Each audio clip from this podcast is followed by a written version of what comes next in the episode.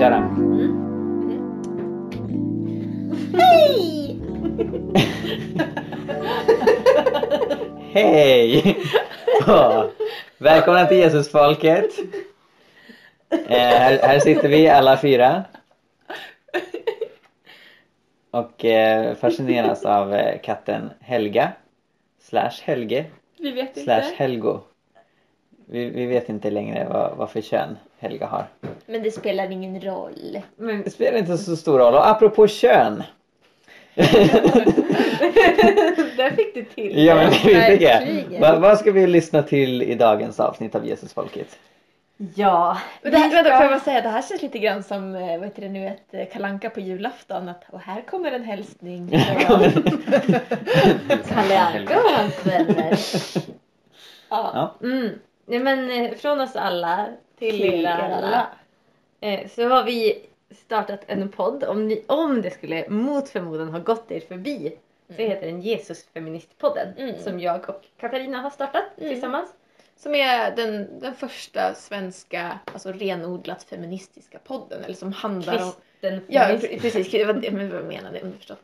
Eh, nej, men som, som handlar om, om endast feminism.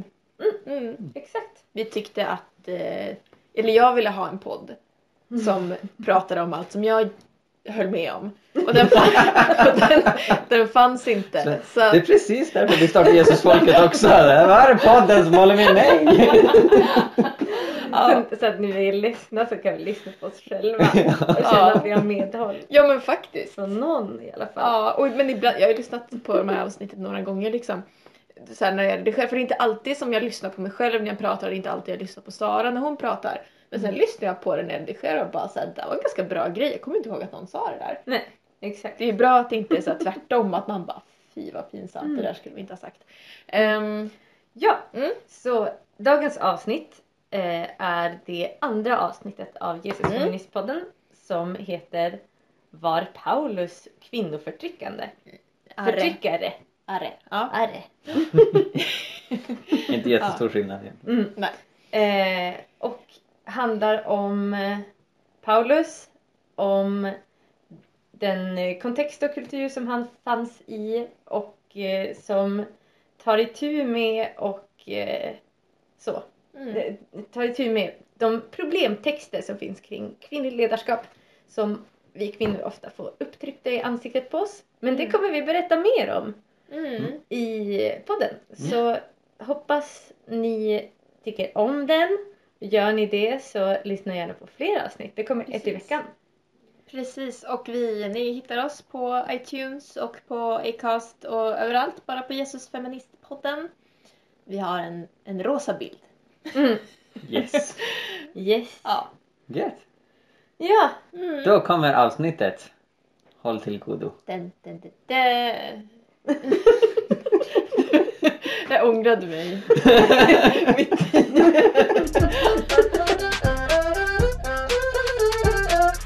Hej! Hej! Och välkomna till det andra avsnittet av Jesus Feministpodden. Jag heter Sara Grenholm Jag heter Katarina Hedman. och idag så ska vi träffa Palle.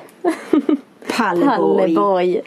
Paulus. Eh, och bråka lite med, med de texter som finns i Bibeln som de flesta kvinnor som har läst Nya Testamentet reagerar på. Eller Eh. bara Eller bara finner sig i.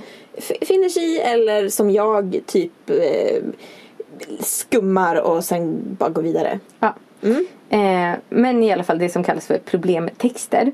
Eh, med störst fokus kommer vi lägga idag på kvinnligt ledarskap. Så vi kommer inte gå så mycket igenom det han säger om äktenskap och hemmet. För det kommer vi att komma in på i något kommande avsnitt. Mm. Eh, men Precis. Men vad, varför är det här relevant kan man ju fråga sig. Alltså vi, när jag diskuterar med jag vill inte säga antifeminister men icke-feminister, kristna sådana.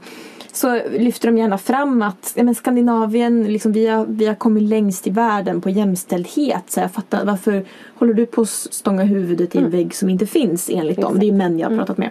Eh, och eh, ja, exakt. varför står vi här och slår huvudet i ett skåp som lilla Dobby när han... Nej. är, det, är det här någon sorts eh, Ja men är vi som Dob, Dobby the House Elf som håller på liksom Dobby. Dobby. Hello Dobby. Som slår, slår sitt huvud i en lampfot. Ja, för att, gånger. för att liksom eh, för att han har gjort bort sig och ja, anyway. Varför? Ja. Varför pratar vi om det här? Ja. Varför är det här viktigt? Exakt. Jo, men det här är viktigt av många olika orsaker. Ehm, dels så, alltså jag har varit med om flera gånger själv att eh, ja, men så här, fått kastat i ansiktet på mig att, eh, så här, eh, att kvinnor ska inte vara ledare på grund av Bibeln. Vad Paulus säger här! Okej, tack. Eh, och så här, ja men av, av diverse olika människor. Eh, speciellt när jag pluggade teologi eh, och gick en pastorsutbildning. Så sågs det inte alls som oproblematiskt av många. Och de jag har pratat med senare som både eller som går det här och min man har pratat med, med några som undervisar pastorer och sånt där som, som eh, har upptäckt att, att eh, det här med, med kvinnor och ledarskap eh, har plötsligt blivit en stor fråga igen och en stötesten bland blivande pastorer. Eh, att det är det har blivit vanligare nu än det har varit på över 20 år. Eh, att på riktigt stå fast vid att kvinnor bör inte vara ledare. Kvinnan ska hålla sig på sin plats. Eh, kvinnan ska inte undervisa. Kvinnan ska absolut inte kalla sig för pastor. Eh, och så vidare. Eh, och det tror jag är, eh, jag tror att det är högaktuellt att vi, ut, att vi så här, låter oss upplysas om hur vi ska bemöta de här texterna helt enkelt som, som hänvisas till och om, man någonstans, om vi som kvinnor någonstans har någon slags ambition om att bli ledare så kommer det här att kastas i våra ansikten förr eller senare. Eh, och har man inte mött det så har man varit i ett väldigt skyddat sammanhang. Nej, men, och jag, jag tror också att eh, visst, vi tillåter kvinnor att vara ledare idag. Eh, och mycket på grund av typ så feministiska rörelser och sånt där och att så på andra håll i samhället så har man liksom gjort den utvecklingen. Då vill inte kyrkan vara sämre. Men vi är väldigt dåliga på att motivera det teologiskt. Exakt, det var det jag skulle Ehm, säga. Och, Bra gjort. Ja, men jag, jag ehm, är ju tankeläsare då. Ja. Eh, nej, men eh, jag var ett par månader i en kyrka som heter Jesus Army i England. Och för Mikael gjorde ett så team, eller så träningsår där typ. Eh, cool kyrka på många sätt. Förskräcklig på många sätt. Bland annat när det kommer till kvinnosyn. Eh, som, de hade inte tillåtit kvinnor att, eh, att undervisa ens. Eh, eller att vara ledare på något sätt förutom i söndagsskolan då. Ja. Eh, un, alltså sen de startade på 70-talet.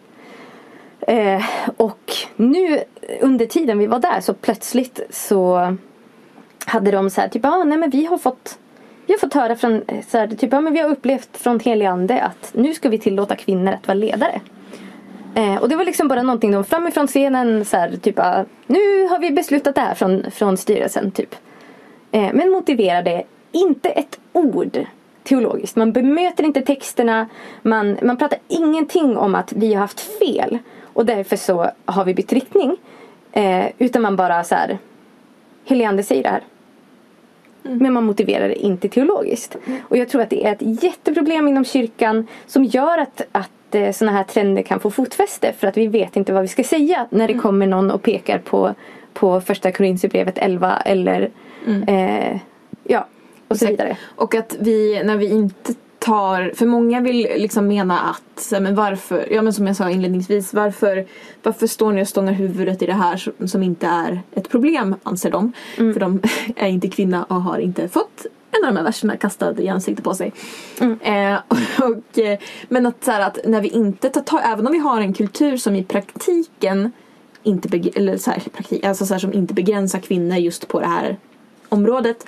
Så vi, det, det är bara en tidsfråga tills någon, som du säger Sara, tar den att vi bara, vi har bara lagt upp den bollen och det är bara för dem att smasha.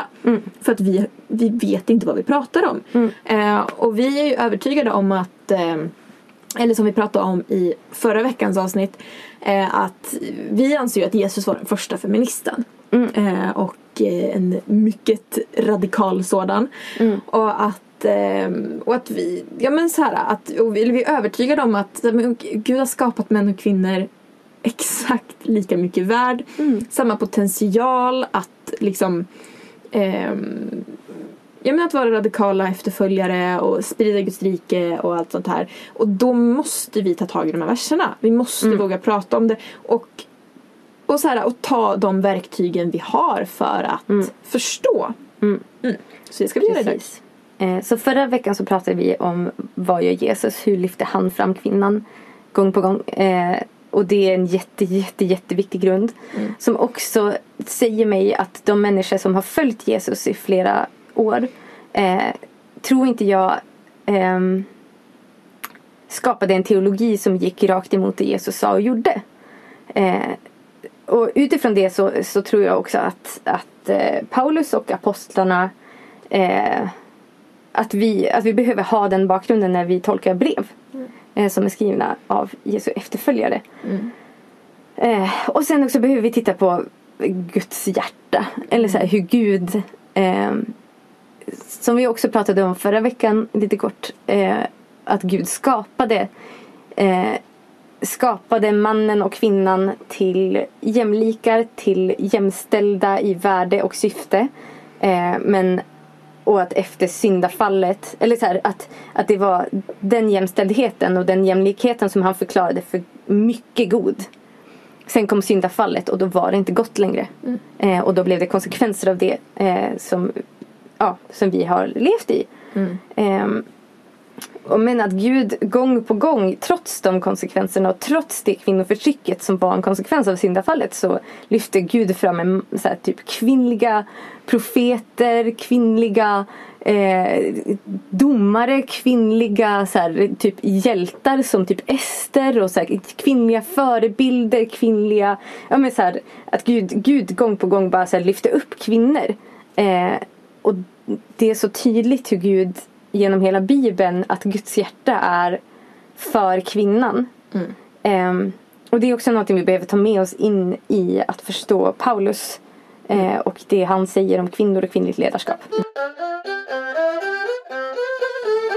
Så Sara, du som eh, kan det här. Jag kan lite grann också. Nej men hur såg ehm, kulturen ut i de här? Eller så här, hur, hur ska vi tänka när det kommer till kontext och ehm, ehm, ja, men för, för skillnader mellan olika församlingar? Var alla församlingar eh, under Paulus tid likadana? Nej, det var de ju verkligen inte. Ehm, det vi ska tänka på det är dels att det här är blandade församlingar, blandning mellan judar och, och eh, greker är det väl framförallt. I, för, okej, problemtexterna, eh, Eh, det är de som man brukar eh, referera till när man vill trycka ner kvinnor, eh, är första Korintierbrevet 11 och första Korintierbrevet 14 och eh, första Timoteusbrevet eh, första Timoteusbrevet 2. Eh, och det är de, de som man brukar referera till. Så egentligen det som är viktigt att prata om här är ju hur såg, hur såg eh, eh, kulturen och brevsituationen ute i Korint. Där dit Korint, första Korintierbrevet är skrivet. Eh, och hur såg det ut i den församling där Timoteus fanns. Eh, vilket också var i, eh, ja, i en grekisk stad.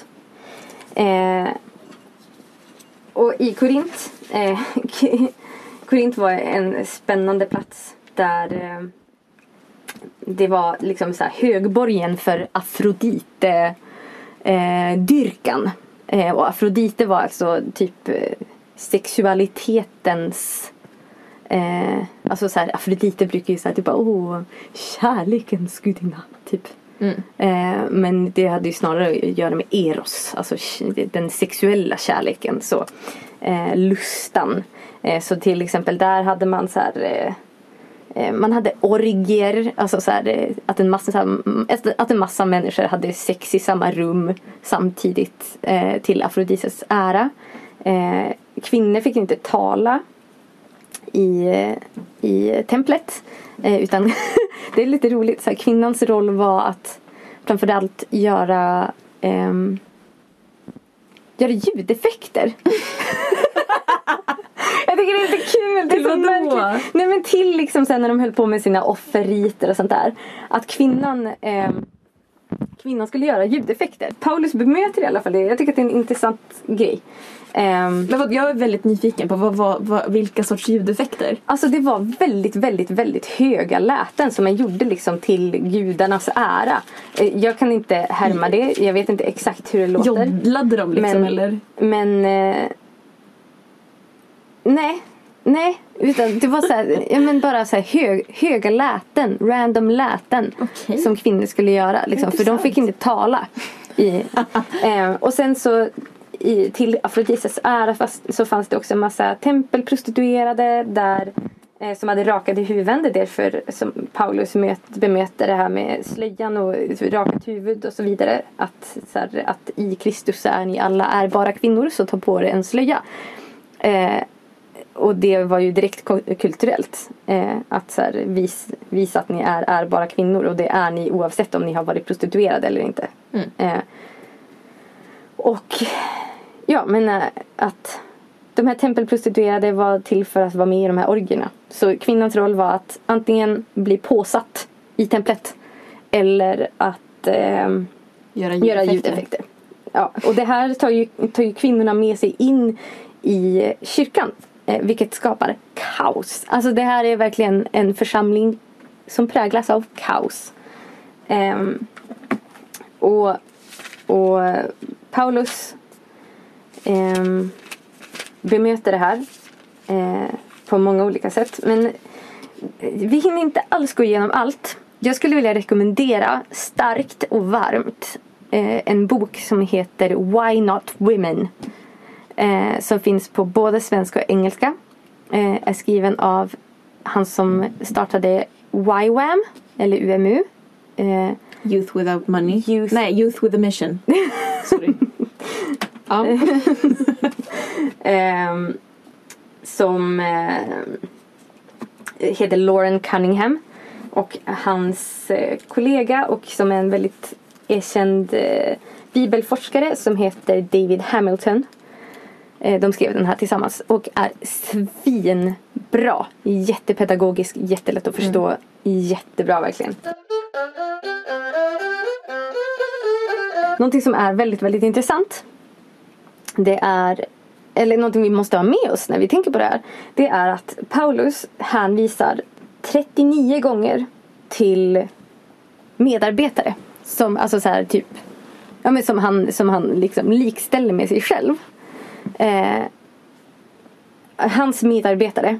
Eh, och när han hälsar till dem så är en fjärdedel av dem kvinnor. Alltså tio stycken är kvinnor.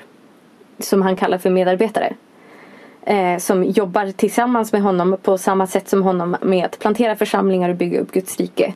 En av gångerna så, så pratar han om Junia. Som han till och med kallar för apostel. Och det är ju någonting som han kallar sig själv också. Och så här, han jämställer henne verkligen helt och hållet med sig själv. Hon har, hon har samma kallelse som jag. Hon heter Junia och är svincool. Jag vill hälsa till henne typ.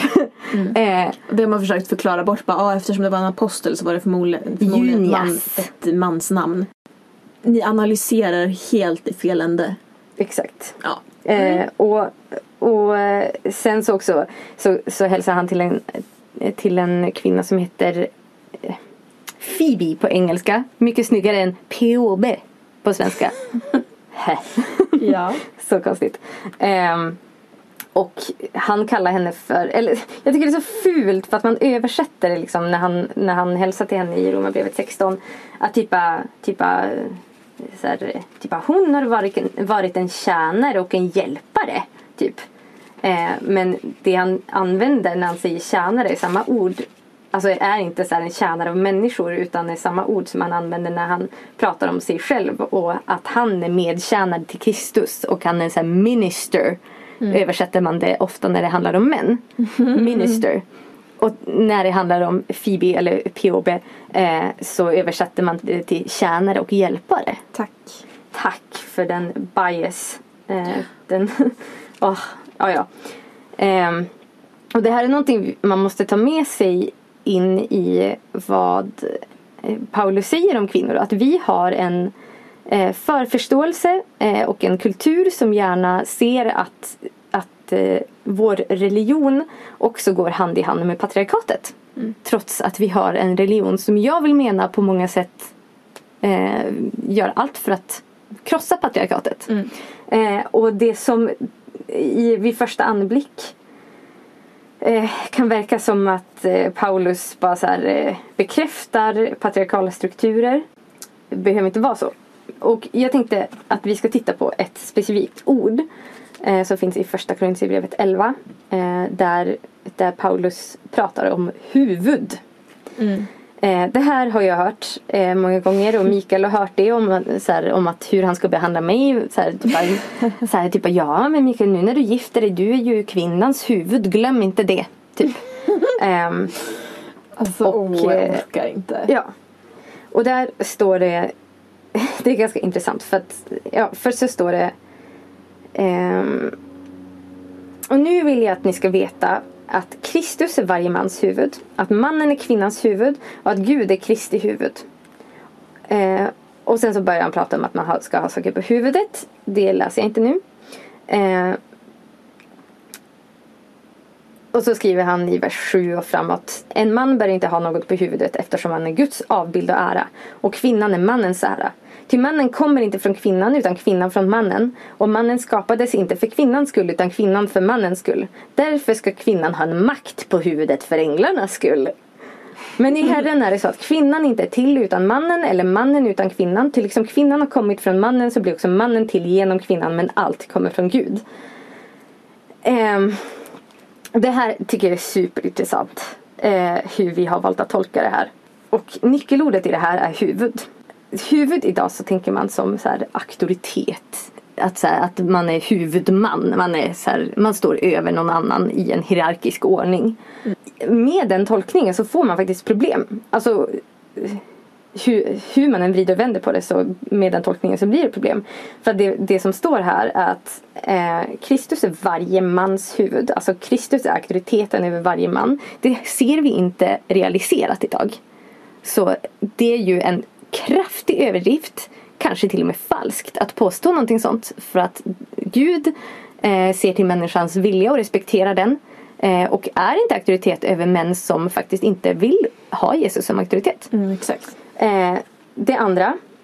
Eh, först så pratar han om varje man och sen så pratar han om mannen är kvinnans huvud. Där pratar han i singularis om en man är en kvinnas huvud. Och så sen så säger han att Gud är Kristi huvud. Hade det betytt Gud är Kristi auktoritet hade vi fått en hierarki inom treenigheten. Vilket, vilket är väldigt problematiskt. Exakt, för då Eh. måste man eh, ska man säga, orm- formulera väldigt mycket annan teologi för att få den Exakt. att passa in. Exakt. Verkligen. Eh, och det, det som är så intressant här det är att det är inte ett sammanhållet resonemang. Om man först pratar om auktoritet eh, att att eh, så här, Kristus är mannens auktoritet, mannen är kvinnans auktoritet och att Gud är Kristi auktoritet. Och därför ska ni ha slöja på huvudet eh, och att mannen ska inte ha något på huvudet eftersom att han är Guds avbild och ära och kvinnan är mannens ära. Ty mannen kommer inte från kvinnan utan kvinnan från mannen och mannen skapades för, inte för kvinnan. Alltså så här, att plötsligt så går man från, från auktoritet till slöja på huvudet till ursprung. Varför? Vad handlar det här om? Eh, och det som är så intressant är att man har valt att behålla ordet huvud här. Eh, när när eh, grundordet här är det grekiska kefale. Eh, nu blir det lite tungt. Nej men roligt. Men eh, det grekiska kefale som, som är ett ord som används eh, inte så många gånger i Nya Testamentet och alla andra gånger när det används i Nya Testamentet så syftar det på ett faktiskt huvud, alltså så här, ett fysiskt huvud. Eh, så där får vi inte så mycket hjälp i hur vi ska förstå eh, hur det ska tolkas. Eh, ehm, och i Gamla Testamentet så eh, men, det man brukar göra när man ska tolka ord i Bibeln är att titta på så här, hur används det i övriga Eh, I övriga bibeln, hur används det i Septuaginta som är den grekiska översättningen av Gamla Testamentet? Eh, och hur används det i, i eh, kringliggande, eller så här, i, i övrig litteratur, samtida litteratur? Ordet för huvudet, för huvud är rosh. Nej, alltså, rosh kan betyda det kan betyda fysiskt huvud och det kan också betyda auktoritet och ledare och lite sådär. Eh, och 95% av gångerna när Rosh syftar på ett fysiskt huvud så används det, det grekiska ordet kafale i Septuaginta. Men bara 5% av gångerna när Rosh syftar på ledare eller auktoritet så väljer man att översätta med kefale. Eh, Rosh betyder ganska ofta ledare och auktoritet. Eh, men bara 5% av de gångerna så översätter man med ordet kefale. Vilket tyder på att ordet kefale är en väldigt ovanlig eller ett ovanligt ord att använda i syftningen auktoritet eller ledare. Mm. Det kan man också se i övrig samtida litteratur. Visst, det, det, kan vara så att, att det faktiskt syftar på ledare här. Men det är en väldigt, väldigt ovanlig användning av ordet kefale. Kefale används mycket, mycket, mycket oftare. Det är en vanlig översättning av ordet kefale. Eh, när huvud syftar på källa eller ursprung. Har ni sett så gamla fontäner och sånt där? Typ gamla romerska och grekiska fontäner när det är typ en, en människa med öppen mun. Ett ansikte med öppen mun och så kommer det ut vatten ur munnen. Det finns flera sådana i Gamla stan. Exakt, det finns mm. jättemånga sådana. Och det är för att man trodde, man trodde faktiskt att, att mannens sperma satt i huvudet. Eh, och att det, där tänkte man att, alltså så att huvudet var liksom källan till allt. Eh, och därför så kom eh, Därför så har huvud betytt källa eller ursprung. Så det vore en vanlig tolkning av ordet kefale. Eh, och eftersom att det inte betyder fysiskt huvud, att, att Kristus är varje mans fysiska huvud. Nej, det betyder det inte. eh, och det är en ovanlig tolkning att tolka det som auktoritet. Vore det mycket, mycket, mycket rimligare att att Paulus faktiskt syftar på ursprung här. Och då får vi plötsligt en sammanhållen argumentation. Mm -hmm. eh, du, du, du, att Kristus är varje mans ursprung. Nu läser jag i Bibeln, vers 3. Att Gud är Kristi ursprung. Eh, och sen så börjar han prata om eh, slöjor och sen så säger han att en man bör inte ha något på huvudet eftersom han är Guds avbild och ära och kvinnan är mannens ära. Till mannen kommer inte från kvinnan utan kvinnan för mannen och mannen skapades inte för kvinnans skull utan kvinnan för mannens skull. Och i vers 11, men i Herren är det så att kvinnan inte är till utan mannen eller mannen utan kvinnan till kvinnan. Alltså att, att då blir en sammanhållen argumentation ursprung, slöja, ursprung. Mm. Mycket mer rimligt. Exakt. Och det Paulus bemöter här det är den tanken på att, att eh, dels att den, den grekiska tanken på att, på att kvinnan var mannens skam.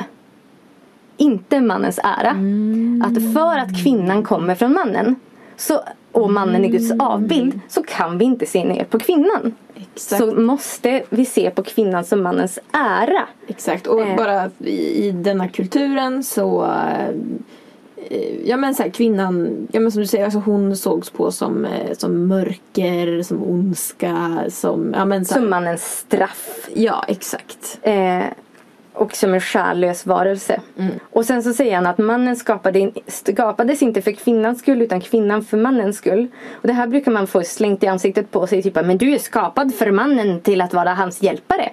Eh, men att, men att eh, det Paulus syftar på här är ju att, att eh, kvinnan skapades inte för, att mannen skapades inte för kvinnans skull. Eh, utan kvinnan skapades för mannens skull. Alltså så att, att, att, att kvinnan överhuvudtaget finns är alltså så här, har en orsak och den orsaken var att mannen behövde kvinnan.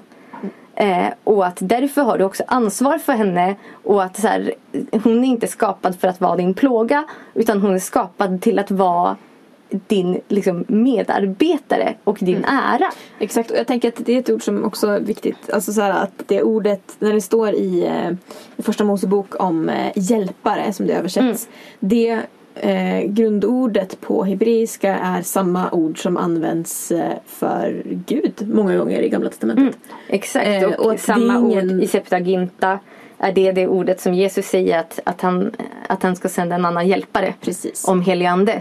Eh, precis samma ord används i Gamla Testamentet. Och det är inte det, det är inte det, alltså menar man en tjänare eller en, så här, en slavhjälpare liksom, så använder man inte det ordet som Jesus använde om helig ande eller om kvinnan. Utan någonting väldigt, väldigt kraftfullt. Ja. Eh, och mm, Mm. precis. Nej, men, så att huvud handlar om ursprung eh, och det handlar om att upgrade kvinnan till att från att vara en skam i den kulturen till att bara kvinnan är precis lika mycket avbild som mannen för att eh, kvinnan kommer från mannen eh, och också att han liksom avslutade med att säga men i Herren är det så att kvinnan inte är till utan mannen eller mannen utan kvinnan. Att, så här, att du man kan inte ens finnas till om det inte vore för kvinnor. Eh, så sluta tro att du är så himla egen eller så här, så, här, så, så här själv, vad heter det? Självtillräcklig. Ja, exakt. Ehm, Och sen också i till slutet att men att allt. allt kommer från Gud. Exakt. Det är inte mannen som kommer från Gud och sen kvinnan från mannen. Utan allt kommer från Gud. Mm. Eh, båda kommer från Gud, är precis lika mycket värda. Så han bemöter ju, det, det här är en text om kvinnans värde. Mm. Eh, inte om att mannen ska vara auktoritet över kvinnan. Mm. Eh, och det tycker inte jag kommer fram i svenska översättningar. För att svenska översättningar är väldigt präglade av kvinnofrakt. Exakt. Eh, ja, Next verse. Okej. Så, om vi då går till första Korinthierbrevet 14 och 22. Så står det om att kvinnan ska tiga i era församlingar. Hur ska det då vara bröder? Jo, när ni samlas har var och en något att ge. En psalm, ett ord till undervisning, en uppenbarelse, ett tungotal och en utgivning. Låt allt bli till uppbyggelse. Om någon talar tungomål får två eller högst tre tala och då en i sänder och, något, och någon ska uttyda det. Men finns det ingen som uttyder ska den som talar tungomål tiga i församlingen och endast tala för sig själv och till Gud. Två eller tre profeter ska tala eh, och de andra ska pröva det som sägs. Men om någon annan sitter där och får en uppenbarelse ska den första tiga. Ni kan alla profetera, en i sänder, så att allt blir Alltså att alla blir undervisade och alla blir tröstade och profeternas andar underordnar sig profeterna. Till Gud är inte ordningen, oordningens Gud utan fridens. Liksom kvinnorna tiger i de heligas alla församlingarna ska de tiga i era församlingar. De får inte tala utan ska underordna sig som också lagen säger. Vill de veta något ska de fråga sina män där hemma, ty det är en skam för en kvinna att tala i församlingen. Är det kanske från er Guds, Guds ord har gått ut? Eller har det bara kommit till er? Om någon menar sig vara profet eller andligt utrustad ska ni inse att det jag skriver till era Herrens bud. Men om någon inte erkänner detta är han själv inte erkänd. Därför mina bröder, var ivriga att profetera och hindra inte tungomålstalandet. Men låt allt ske på ett värdigt sätt och med ordning. Alltså det här var en församling med kaos. Med stort kaos. Som Paulus bemöter här. Eh, att så här, typ, men hallå. Eh, först poängterar han eh, både kring tungotalet och kring profeterandet att eh, så här, ni måste ha att det ni gör ska vara till uppbyggelse för andra. Gör inte saker bara för er egen skull, att ni själva typ ska skina. Utan, utan låt det vara till uppbyggelse för andra. Eh, och flera gånger under den här texten så pratar han om att Gud är ordningens Gud. Eh, och att det inte är någonting dordligt. Det tolkar ju många som, att, eh, som eh, argument för varför mannen ska vara överordnad kvinnan. Exakt, som att det är en Guds ordning. Och bara, men Guds ordning. lägg av. Ja. Eh, sen så är det intressant ehm, att vers 33 eh, och vers... Alltså att hela vers 33 eh, ty- eh, det låter så här, men det är uppdelat i två stycken i de allra flesta biblar. Vilket är svindumt för det är ett och, en och samma mening. Eh, till Gud är inte ordningen, oordningens Gud utan fridens liksom i alla de heligas församlingar. Står det egentligen. Och punkter finns inte i grekiskan. Eller i, i antikgrekiskan. Eh, man använder inte liksom, eh, punkter utan man använder lite, lite av typ styckindelning och sånt där. Och vissa saker som indikerar att här börjar en ny mening. Men man gjorde ofta väldigt, väldigt, väldigt långa meningar. Så Alltså vi har ofta valt att, säg, att sätta punkt liksom, till Gud är inte oordningens Gud utan fridens. Liksom kvinnorna tiger i de heligas alla församlingar ska de tiga i era församlingar. Eh, men det den egentligen säger är att till Gud är inte oordningens Gud utan fridens liksom i alla de heliga församlingarna. Eh, och sen så skriver han liksom kvinnorna. Att man sätter in eh, liksom i alla de heliga församlingarna tillsammans med det som står innan. Att Gud är eh, ordningens Gud. Eh, eller fridens Gud. Eh, liksom i alla de heliga församlingarna. Och sen punkt. Och sen kvinnorna ska tiga i era församlingar. Så får du en helt annan innebörd. Att då plötsligt blir, blir det inte universellt. Eh, det är inte något som gäller i alla församlingar utan det här är någonting som som eh, han poängterar i den här församlingen. För att Gud är ordningens Gud i alla församlingar så ska också kvinnan tiga i er församling. Och det som, är, det som man sällan tänker på heller det är att han uppmanar först tungotalet, tungotalarna att tig, säger han. Precis samma, samma ord upprepar han till profeterna. Att profeterna ska tiga. Eh, och sen så uppmanar han med precis samma ord kvinnorna att tiga. Eh, och sen så säger han i slutet i vers 39 eh, att de ska tala. Mm. Eh, var ivriga att tala till och med. Eh, och det här var, det var ett väldigt tydligt så här, retoriskt knep på den här tiden. Eh, som lagen säger. Eh, han säger inte vem de ska underordna sig. Han säger inte att de ska underordna sig männen. För i så fall vilka män? Det här är enda gången som, som det står att någon ska underordna sig utan att poängtera vem som ska underordna sig vem. Eller eh, vem, man ska under, vem kvinnorna ska underordna sig. Och då måste man ta det till vad som står innan. Tidigare har han använt, använt underordna sig att profeternas and, andar ska underordna sig profeterna. Att liksom kontrollera er. Eh, det kan betyda det. Och sen så säger han liksom lagen säger. Och i gamla testamentet står det aldrig att kvinnan ska underordna sig mannen.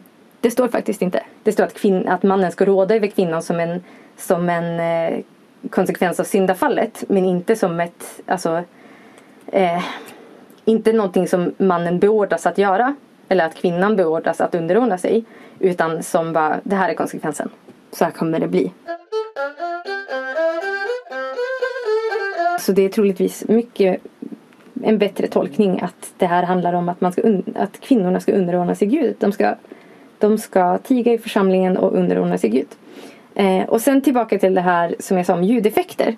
Eh, att kvinnorna troligtvis från den här kulturen som kommer från en hed, hedna kult eh, där de har gjort såna här konstiga ljudeffekter. Eh, att, att det här med att tiga i församlingen kan också handla om att de faktiskt inte talade vettiga saker i församlingen. Eh, utan de ska utan de, de gjorde en massa ljud för att det var, det var deras sätt att tillbe. Liksom. Eh, och sen så, så pratar också Paulus om att de ska fråga sina män när de kommer hem. Eh, vilket är också jättekonst, en jätte, så här, eh, en väldigt, väldigt radikal sak att säga i den här kulturen. För att mannen hade absolut ingen som helst skyldighet att undervisa sin fru. Eller att lära henne någonting som han kunde. För att kvinn, det var en skam att ha en utbildad fru. Att ha en fru som kunde läsa och skriva till exempel. Men här lägger han eh, ansvaret på mannen att att eh, de ska undervisa sin fru när de kommer hem. De har en skyldighet att svara på hennes frågor. Mm. Och sen så står det tydligen en skam för en kvinna att tala i församlingen. Eh, är någonting som var, han i princip upprepar eh, det både Aristoteles eh, kända och kända så här, eh, manusförfattare till teatrar eh, sa. I princip ordagrant upprepar han en tanke som fanns i den grekiska kulturen. Ett citat alltså. Och Paulus använder ganska mycket citat i sina brev. Där han eh, ja, alltså, eh, citerar den tidens kultur. Han citerar alltså, ty det är en skam för en kvinna att tala i församlingen. Är det kanske från er Guds ord har gått ut? Eller har det, bara, eller har det kommit bara till er? Och precis innan de, de eh, frågorna, de två frågorna, så har han en, en liten en liten, en liten tecken som betyder typ what? Ungefär. Mm. Vilket, vilket tyder på att han reagerar på det han har sagt tidigare. Tyder det en skam för en kvinna att tala i församlingen? What? Är det kanske från er Guds, Guds ord har gått ut? What? Har det kommit bara till er? Eh, som en reaktion på det han precis har sagt. Eh, så det han reagerar på är inte att, att eh, är det kanske från er kvinnor Guds ord har gått ut. Utan bara, är det kanske från eran kultur och ert sätt att se på kvinnor som Guds ord har gått ut. Eller har det kommit bara till jag er? ser för mig att eh, kanske framtida, framtida civilisationer kommer att titta på våra smileysar på samma Ja, sätt och exakt. väldigt mycket av budskapet kommer att... För, jag tänker att kanske det var en sån här, ni vet den här smileysen som tittar upp och, och tar sig lite på hakan bara hmm. Alltså, Ja, exakt. att så här, om vi använder sådana så här, om 2000 år så kommer folk bara vad betyder det här? Ja. Och ja, nej, det var kanske långsökt men eh, Nej, men, jag. ja men verkligen. Eh, och Och att vi måste ha respekt inför att det är kanske vissa saker som vi Ja men vi måste sätta oss in i hur de Ja men som det här tecknet som betyder ået eh, Att det kan påverka hur mycket som helst. Och det har man skitit i att översätta i svenska. Exakt. För att det är ju så praktiskt. Ja. Att det får låta som om kvinnan i alla tider, universellt i alla kulturer, ska tiga i församlingen. Exakt. Nu ska vi gå igenom eh, jättekort Andra Timoteusbrevet. Eh, det är också en text som väldigt ofta slängs i ansiktet på kvinnor. Det, eh, problemet står, alltså dels så först i vers kapitel 2, vers 9 så pratar han om så här att kvinnor inte ska smycka sig och sådär. Vilket vi Ehm. kommer prata om det i ett eh, framtida avsnitt vi ska prata om anständighet Modesty. Modesty, modest isn't hottest Ja. Så vers Ja. 8 och framåt eh, så, stå, så kan ni läsa vad som står. Eh, pausa om ni behöver läsa det. Jag tänker inte göra det nu. Eh, men i vers 9 så pratar han om att kvinnorna i pluralis ska uppträda i anständig klädedräkt och att de ska vara modest i sättet man klär sig och så. Och att man istället ska klä sig i goda gärningar så som det anstår kvinnor i pluralis som bekänner sig till Guds fruktan. Alltså så här, så här beter sig en gudsfruktig kvinna. Och sen så börjar han prata om i vers 11 om en kvinna. I svenska så funkar det att säga bara eh, Alltså att man säger en kvinna ska i stillhet ta emot undervisning och mena alla kvinnor generellt. I grekiska funkar inte det. Eh, utan här pratar han om en kvinna. Från att prata generellt så här uppträder kvinnor som är gudsfruktiga till att prata om en kvinna. Som står i kontrast till det här. Det tillåter inte att en kvinna, alltså en kvinna Vadå, så pratar, undervisar. pratar han alltså om en specifik Han kvinna i pratar om en specifik kvinna i församlingen som utgör ett problem. Ah. För grejen är att Timoteusbrevet också en församling i ett kaos, verkligen. Eh, där falska lärare är ett jätteproblem. Eh, och han tilltalar tidigare i brevet eh, Hymenius och Alexander som han har överlämnat åt Satan för att de ska tuktas så att de inte hädar. säger han tidigare. Eh, och de här männen så här, är han superhård mot och bara eh, så här, de här får du absolut inte lyssna på. Lyssna inte på dem, påverkas inte av dem. Utan de här, alltså deras, deras budskap kommer från Satan, säger han. Eh, och sen så börjar han prata eh, och, och eh, troligtvis så är det här en kvinna som också sprider villolära. För att han pratar om först generella kvinnor, hur en gudsfruktig kvinna, sen en specifik kvinna. Hur ska du behandla henne Timoteus? Och här kan vi ju då du- anta eller sorry, man kan anta att han då har ju fått ett brev förmodligen där han eh, där Timoteus har beskrivit situationen, beskrivit problemet, vad ska jag Exakt. göra? Exakt. Ja. Och den här kvinnan. Så här ska du göra Paulus. Nej, nej Timoteus säger Paulus.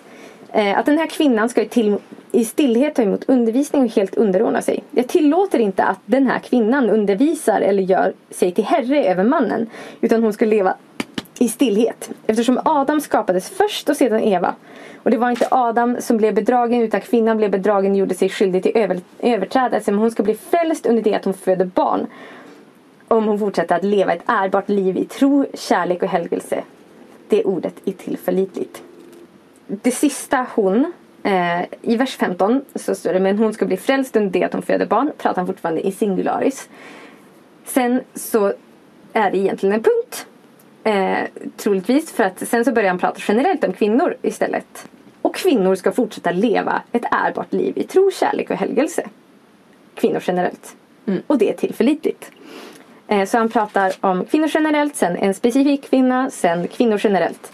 Det kommer inte fram i våra bibelöversättningar. Eh, vilket är supertragiskt. Och sen så är också Paulus otroligt mycket mjukare mot den här kvinnan än han är från man, mot männen som hädar. Eh, han överlämnar henne inte åt Satan till att tuktas. utan han säger att hon behöver få undervisning. Eh, Och det här är inte vilket undervisning som helst utan det här är undervisning, alltså typ att ta emot Hon ska utbildas skulle vi ha sagt idag. Inte bara så undervisas, typ ni ska säga henne typ, alltså bara lite grann så, utan hon ska hon ska, hon ska få en utbildning innan hon kan komma tillbaka för att hon har blivit bedragen, precis som Eva. Och kvinnor på den här tiden var analfabeter. Vilket gjorde att det var inte lämpligt för, eller så här, att kvinnor var speciellt utsatta för att eh, eh, ja, men så här, bli lurade in i att följa villolärare för att de kunde inte läsa och skriva.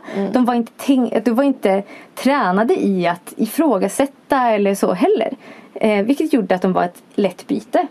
Eh, och Paulus är mjuk mot den här kvinnan och säger att så här, men hon behöver undervisning. Hon behöver utbildning. Hon är inte hon är inte själv, alltså så här, hon är inte ensam skyldig till det här.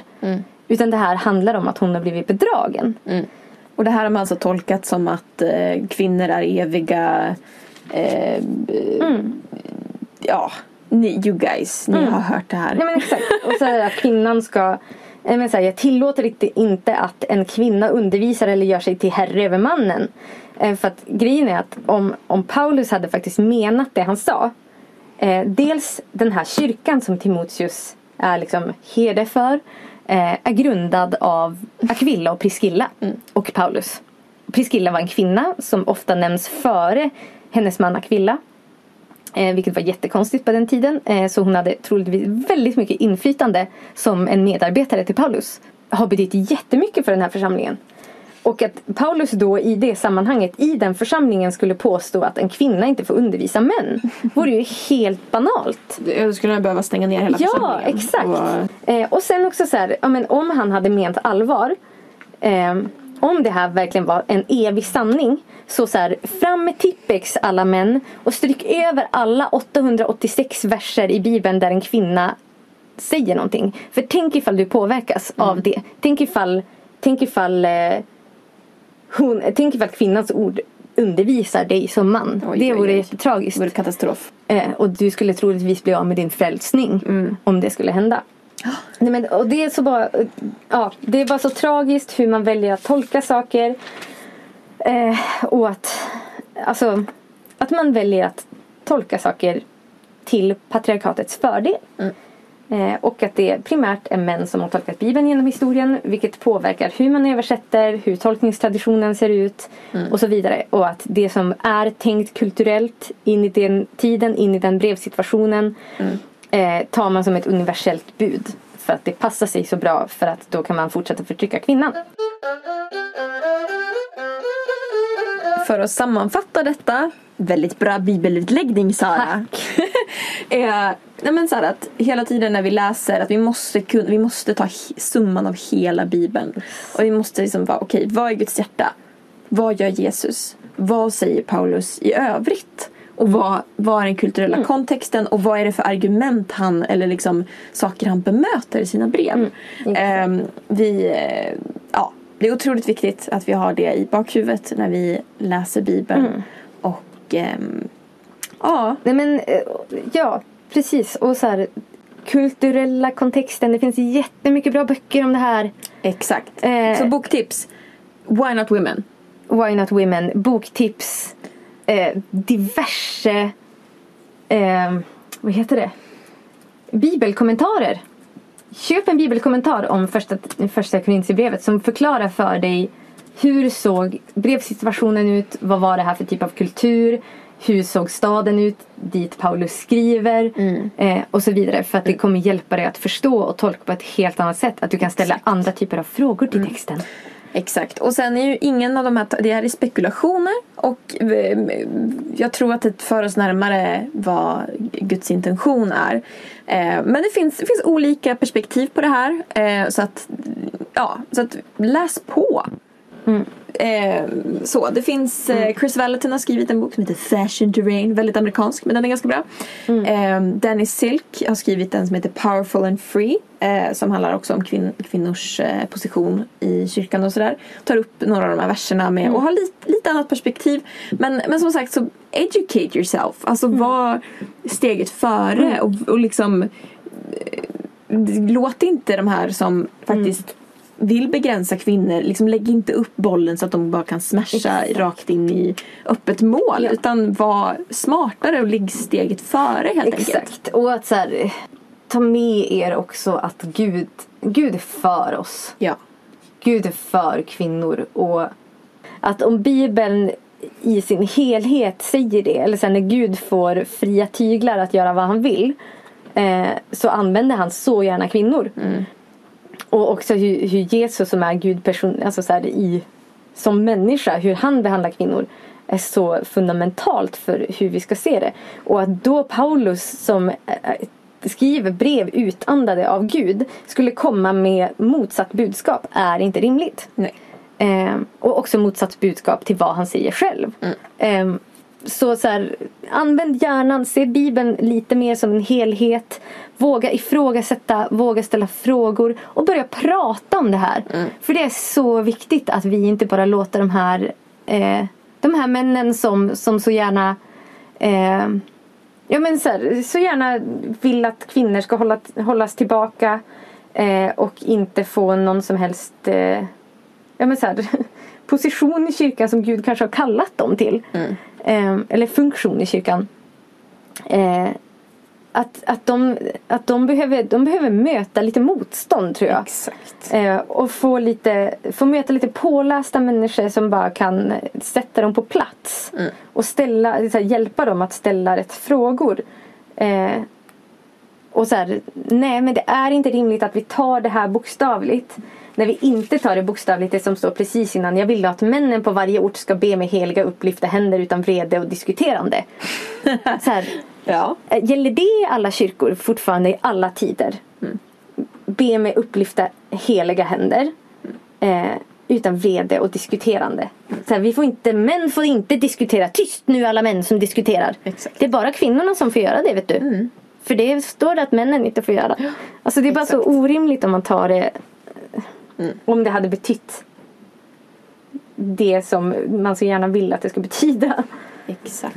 Och med det så avslutar vi eh, detta avsnitt. Det är långa avsnitt. Väldigt långa men väldigt bra hoppas jag. Väldigt Viktiga. informativa. Ugh. Yes, nästa vecka så ska vi prata om kvinnohat. Yes. Det kommer att bli en, eh, en eh, djupdykning i vårt eh, vår idéhistoriska ja, och i vår idéhistoriska gödselstack kan man säga. Gött, följ oss på Instagram. Vi heter Jesusfeministpodden och eh, så vidare. Mm. Yes, Tack, tack. vi ses. Vi ses. Hej då. Adjö.